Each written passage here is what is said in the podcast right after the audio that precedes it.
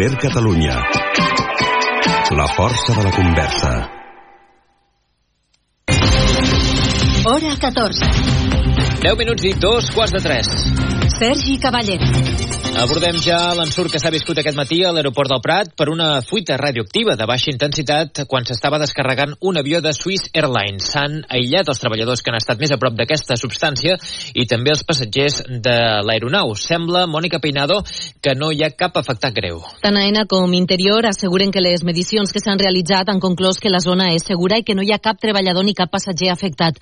L'alarma s'ha disparat poc abans de les 11 del matí quan s'ha detectat material radioactiu de baixa intensitat a la bodega d'un avió, en concret en un paquet que transportava material mèdic i que s'havia malmès. L'aeroport ha activat l'alerta general i la Generalitat els plans d'emergència corresponents. La tripulació i els passatgers que havien viatjat en aquesta aeronau des de Suïssa ja havien marxat, però hi havia treballadors descarregant la bodega i els passatgers que acabaven d'embarcar per anar cap a Zúrich. Per precaució, s'ha fet una revisió mèdica dels treballadors que han estat més a prop d'aquesta substància i s'ha aïllat els passatgers. El final de tot plegat és que no hi ha hagut cap persona afectada, que l'avió és segur, així que podran lairar-se i continuar el viatge cap a Suïssa.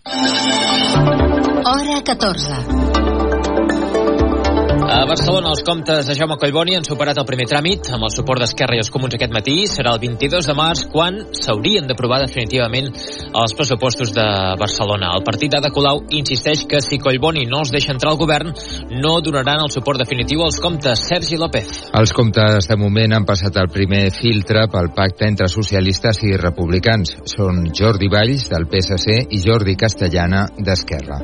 Però crec que aquest és el pressupost que requereix aquesta ciutat. Agraint Esquerra Republicana la predisposició al diàleg, la negociació i l'acord. Vol dir prendre decisions que ens fan sortir de la nostra zona de confort i que segurament, doncs, possiblement, poden tenir efectes negatius a curt termini a nivell individual. Tant socialistes com republicans es reserven, no volen parlar encara de pacte de govern, és només un pacte pels pressupostos, asseguran.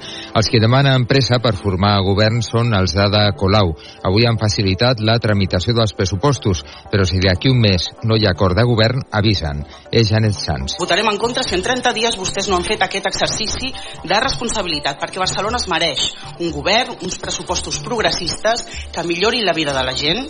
Per tant, ens hi trobaran per negociar, ens hi trobaran. El que no ens hi trobaran és per perdre el temps. Populars, Vox i Junts per Catalunya ja han votat en contra. Ramon Tremosa augura un canvi de cromos entre els comptes de la Generalitat i el consistori. Ara, però, estem assistint a una doble negociació. El PSC és a punt de tornar a votar el pressupost de la Generalitat Esquerra Republicana. La votació definitiva dels comptes serà el 22 de març. Encara a la capital catalana, els pares de la Kira López, l'alumne de 15 anys del Col·legi Pare Manyanet, que es va suïcidar el maig del 2021, ha presentat, han presentat una demanda per responsabilitat civil contra l'escola. L'Audiència de Barcelona va eh, sobreseir el cas fa un any en considerar que no s'havien constatat responsabilitats del centre en el presumpte assetjament escolar que va patir la noia. Soledad Domínguez. José Manuel López, que ara també és responsable de l'associació Trencats contra l'assetjament escolar, ha explicat que van registrar ahir una demanda per la via civil contra l'escola per no haver garantit la seguretat física i moral de la seva filla, que va ser alumna del pare Manyanet de Sant Andreu tota la seva escolaritat. Explica el pare que demanen responsabilitats a l'escola per la seva inacció davant les queixes per l'assetjament que, segons ells, rebia Kira per part d'altres companys i també pels episodis de violència contra la menor per part de professors. Els pares recorden que el síndic de Greuges va demanar que s'apartés aquests docents, una mesura que l'escola no va aplicar.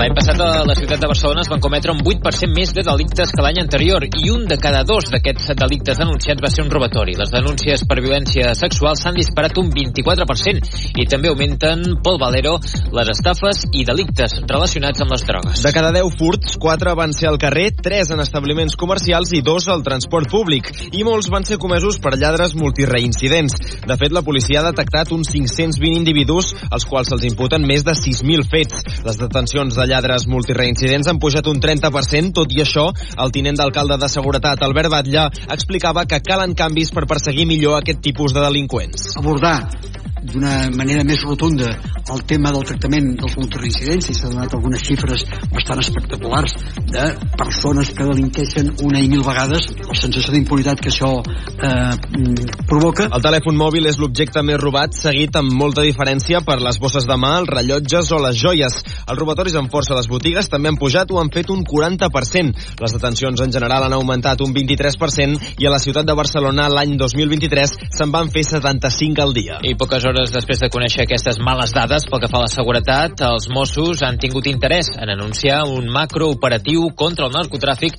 a l'àrea de Barcelona, amb 15 detinguts. És una operació que dirigeixen els jutjats de Badalona. A Barcelona s'acumula la gent que fa cua en un stand d'OpenAI en diversos centres comercials per oferir les dades de l'iris dels seus ulls a canvi de diners. OpenAI és l'empresa que hi ha darrere ChatGPT. L'Autoritat Catalana de Protecció de Dades adverteix que cedir aquesta informació és un perill. Desenes d'ulls han passat aquest matí per les càmeres que l'empresa té al centre comercial Glòries. Si et descarregues la seva aplicació, demanes cita prèvia i deixes que t'escanegin l'iris, et donen 70 euros en criptomonedes. Jo, si estigués econòmicament bé, no vindria però com malauradament a la feina no m'estan anant bé i no tinc molts diners per pagar la, la, la renta, tinc que venir... Dinero gratis no existe y encima están escaneando tu ojo. Yo lo estoy haciendo con miedo, en realidad. I vaig dir, això és un timo, una estafa piramidal, no sé què. Però després ho vaig retirar a la, a la meva targeta i vaig veure que, collons, que m'havia arribat. Llavors, hòstia. Amb aquesta campanya, l'empresa pretén atraure usuaris a la seva criptomoneda, la WorldCoin, i contribuir a construir un passaport digital. Des de l'Autoritat Catalana de Protecció de Dades, però, recomanen no donar cap dada biomètrica i menys si no estem segurs de l'ús que se'n farà. Meritxell Borràs n'és la directora. Hi ha la, la possibilitat de suplantació de la, de la persona a través de l'IRIS. L'IRIS, insistim, que és un element que t'identifica i, per tant, podrien dir que tu has autoritzat qualsevol cosa a través del teu IRIS sense haver estat tu directament o a fer un ciberatac. Alguns països ja tenen investigacions obertes per analitzar els perills del projecte WorldCoin. L'Hospital Vall d'Hebron ha fet el segon trasplantament pulmonar amb cirurgia 100% robòtica del món. El primer també l'havien fet ells, només 3 mesos abans d'aquesta segona intervenció. El resultat, diu el pacient, és espectacular. Susana Ruiz. Ernesto Cassis, el segon pacient del món que ha passat per aquesta cirurgia, era director clínic dels laboratoris de Vall d'Hebron. Feia anys que patia una fibrosi pulmonar que la Covid va agreujar fins al límit de necessitar un pulmó nou. Quan li van plantejar fer l'operació totalment robotitzada... Yo le dije que sí inmediatamente. Es decir, no, no me lo pensé. perquè tot i la complexitat del procediment i la duresa del postoperatori és una cirurgia menys agressiva que la convencional, que requereix una incisió tres vegades més gran i separar les costelles per poder accedir als pulmons. A dia d'avui l'Hospital Vall d'Hebron és l'únic centre del món que fa aquesta intervenció i de moment només a alguns pacients. Albert Jauregui és cap del Servei de Cirurgia Toràcica i Trasplantament Pulmonar de Vall d'Hebron. perquè encara com és una tècnica completament nova, doncs hem de eh, mm, localitzar els pacients que nosaltres creiem que es podrien beneficiar d'aquesta tècnica. Encara no hem fet cap trasplantament robòtic dels dos pulmons, que jo crec que en un futur ho farem, però necessitem una mica més de temps. Deu mesos després de l'operació, Tuve una media de 8 o 9 pisos todos los días. Tengo una media de pasos de unos 5.000 y pico al día. Hago una vida prácticamente normal. diu l'Ernesto que aquest estiu ja s'atrevirà a viatjar.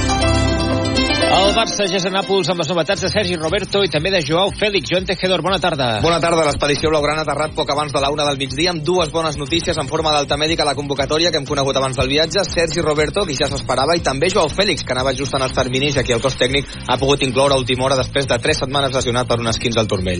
Són les novetats pel partit de demà del Barça corresponent a l'anada dels vuitens de final de la Champions a l'estadi Diego Armando Maradona contra el Nàpols, que suposarà el retorn de l'equip blaugrana a les eliminatòries de la màxima competició europea després de 3 anys. El tècnic Xavi dirigirà a les 7 d'aquesta tarda l'últim entrenament a l'escenari del partit. Abans, a un quart de 7, oferirà la roda de premsa prèvia juntament amb Frenkie de Jong i després, a dos quarts de 8, parlarà el nou entrenador del Nàpols, Francesco Calzona, nomenat ahir a la nit i que des de les dues dirigeix la primera i única sessió que podrà fer abans de rebre el Barça. I ens queda la previsió del temps. Jordi Carbó. El matí ha començat una mica més fred que ahir, però ara mateix l'ambient ja es nota suau i en breu tindrem màximes ben a prop dels 20 graus des de les valls del Pirineu fins a la façana costanera, on més pujaran cap a la plana de l'Empordà, també a la Vall de l'Ebre. En aquests llocs es podrà superar algunes poblacions amb facilitat als 20 graus, sobretot pel vent, la tramuntana a l'Empordà i als Pirineus, el Mestral a l'Ebre, que es mantindrà fins que arribi la nit. Després desapareixerà. I demà ens espera un temps semblant, però cada cop més núvols durant la tarda, sense més conseqüències. Temperatures molt semblants a les d'avui, ambient suau la major part del dimecres. A partir de dijous, vent fort i es confirma que divendres començaran a baixar les temperatures, tan sols esperem precipitacions al nord de Catalunya. Pol Regas al control, Soedat Domínguez, Susana Ruiz a la producció i tornem demà a partir de les dues. Que passeu molt bona tarda. Adéu-siau, que vagi.